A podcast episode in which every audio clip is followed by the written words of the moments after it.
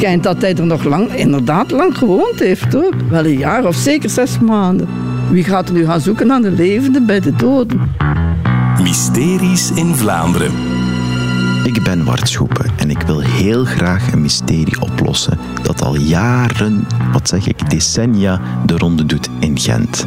Namelijk dat er ooit iemand op een kerkhof heeft gewoond. Beter nog, in een grafkelder. Ik wil natuurlijk heel graag weten of daar iets van aan is. Misschien is het gewoon een stadslegende, een urban legend.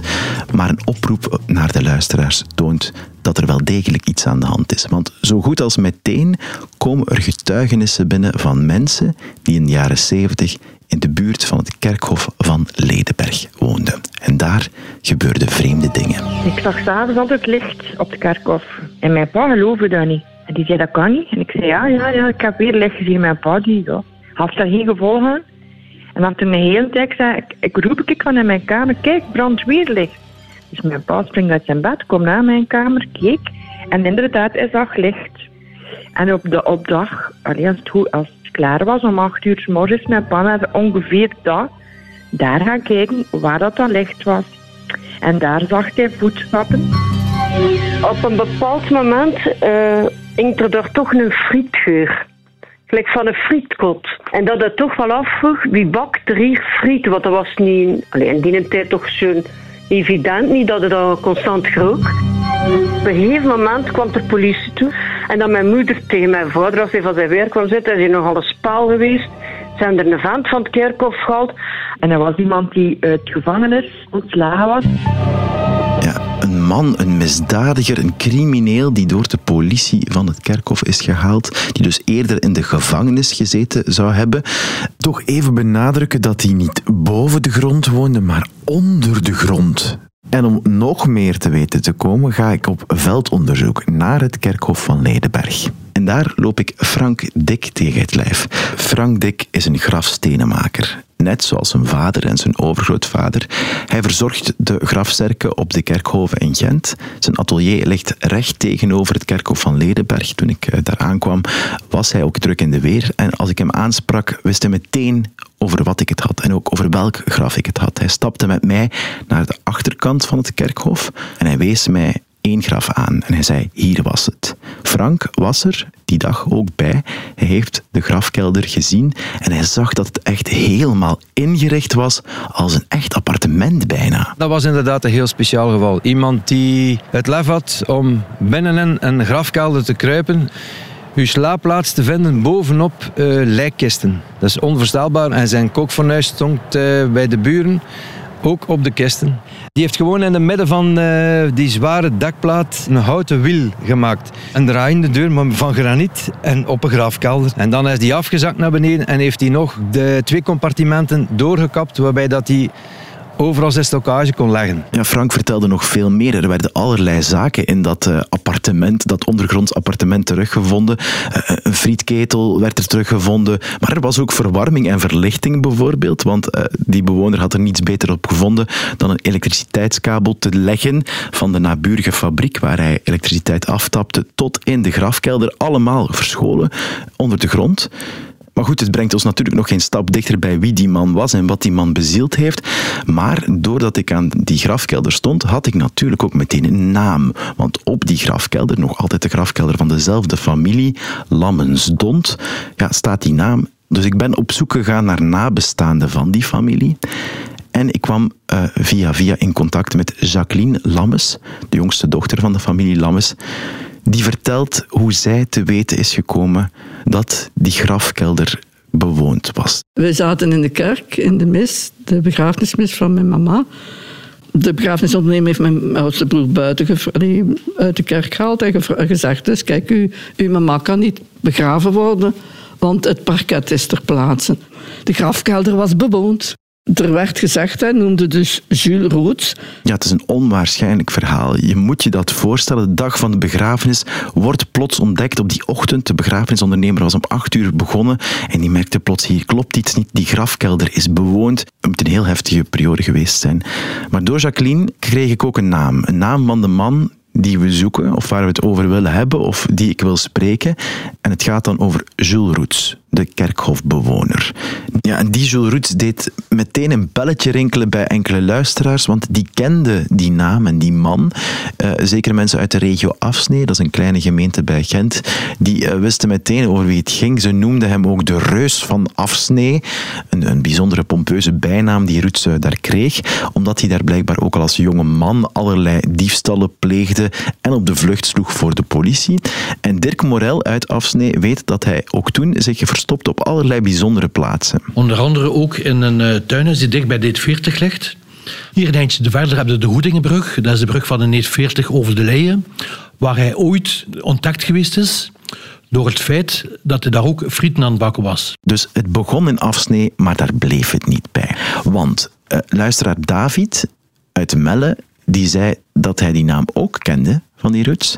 En dat zijn buurman daar heel vaak over vertelde vroeger toen hij nog leefde. Want zijn buurman was de politiecommissaris van uh, Melle. En hij zei, David, dat is mijn levenswerk, dat is een onderzoek dat ik ooit gedaan heb. Alsjeblieft, doe er ooit iets mee. Er was sprake van, uh, vooral in schuren van, van de landbouwers, dat er van alles verdween. Elektrische kleine apparaten, frituurolie, uh, allerlei kleine benodigdheden, servies en zo, dat verdween op verschillende adressen. Wat dat er nog bij kwam, er werd vanuit die schuren elektriciteit afgetapt en soms een paar honderd meter werd die elektriciteit uh, dan afgetapt omdat die Jules Roets zich onder de grond verstopte. Hij maakte appartementjes en kleine huisjes eigenlijk in, in kokers en duikers onder de grond. En wat heel fijn is aan die documenten van politiecommissaris De Bakker, is dat we eindelijk ook meer te weten komen over de achtergrond van Jules Roets. Jules Roets is geboren in 1932 in Gent. Hij zou, als hij nog leeft, uh, nu 90 jaar zijn. Um, hij heeft een technische opleiding gevolgd, ook een tijdje gewerkt in Gent, net na zijn middelbare opleiding. En dan is hij al voor een eerste keer in contact gekomen met de politie, ook opgepakt en in de gevangenis gezet voor een reeks kleine diefstallen. Hij komt vrij, hij doet zijn legerdienst. Dat is ook interessant om te vertellen, want daar volgt hij een opleiding als vliegtuigingenieur. Dus daar leert hij wel uh, wat de kneepjes van het vak om ingenieuze onderduikoplossingen te bedenken. En dan gaat het dus van de ene diefstalreeks naar de andere, van het ene onderduikadres naar het andere. We hadden het er net al over afsnee. En dan kwam dus ook Melle. En die de bakker die was dat zo beu dat die Roets wegkwam met die onnozele diefstallen en hij wilde hem echt pakken. Het toeval wil dat Roets daarna zijn actiegebied verlegd heeft naar de aanpalende gemeente, Merelbeke. En natuurlijk, die politiecommissarissen kenden elkaar goed. Maar om te begrijpen wat er toen precies gebeurde, heb ik een kleine reconstructie gemaakt. Ik ben in de huid gekropen van commissaris De Bakker. December 1976. Het is een zieloze winterdag zonder sneeuw of vrieskou en ik zit op kantoor wanneer ik telefoon krijg. Lucien, politiecommissaris in Merelbeke. Hey Oscar, het is uh, Lucien hier. Zeg, hij zit op zoek naar Jules Roets, hè? Wel, ik denk dat hij een, bij mij actief is. Bij ons in de Verloren Broodstraat, hier in Merelbeke, um, zijn er op elf plaatsen dingen gepikt. Allee, allemaal kleine dingen. Maar het is zijn werk, denk ik. Lucien belooft me om een lijst met diefstallen door te faxen. Schrik niet als ik die lijst zie. Alles wijst op Roets. Er is een massa aardappelen gestolen en ook een elektrische friteuse om zijn eeuwige friethonger te stillen. En dat is nog niet alles. Ook 48 rollen wc-papier zijn weg. Ook Roets moet natuurlijk af en toe naar het toilet. Eén ding valt nog meer op. Er is ook sprake van een gebruiksdiefstal van een auto. Ik bel Lucien opnieuw op om te vragen wat dat betekent. Ah ja, hij heeft uh, een auto gepikt op uh, nummer 15 was dat. En die mens die was net gaan tanken die avond en had zijn kilometerstand opgeschreven. De volgende dag vindt hij zijn auto wat verder in de straat op een andere plaats geparkeerd. En wat blijkt, er is daar nog 4 kilometer Die kilometerstand fascineert me. Waarom heeft Roets 4 kilometer gereden? Waar is hij geweest? Heeft hij de auto gebruikt om zijn buit te vervoeren? En is die dan binnen een straal van 2 kilometer niet te vinden? Ik neem een grote kaart van Gent en teken een cirkel met de verloren broodstraat als middelpunt met een doorsnede van 2 kilometer.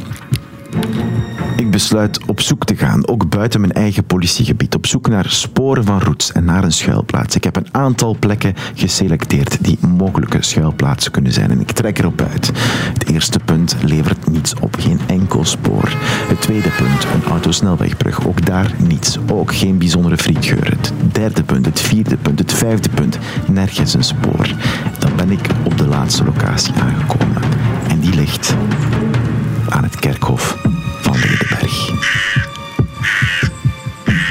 Ik zie geen sporen van Roots, maar ik spreek een grafmaker aan, want ik heb een idee. Ik vraag de grafmaker om het grind rond te graven grondig te harken. En de volgende dag kom ik terug en op verschillende plekken rond de graven zie ik voetafdrukken. Ik ren terug naar mijn auto, want daarin ligt een gipsen voetafdruk die ik ooit heb kunnen nemen van Roots. En ik vergelijk.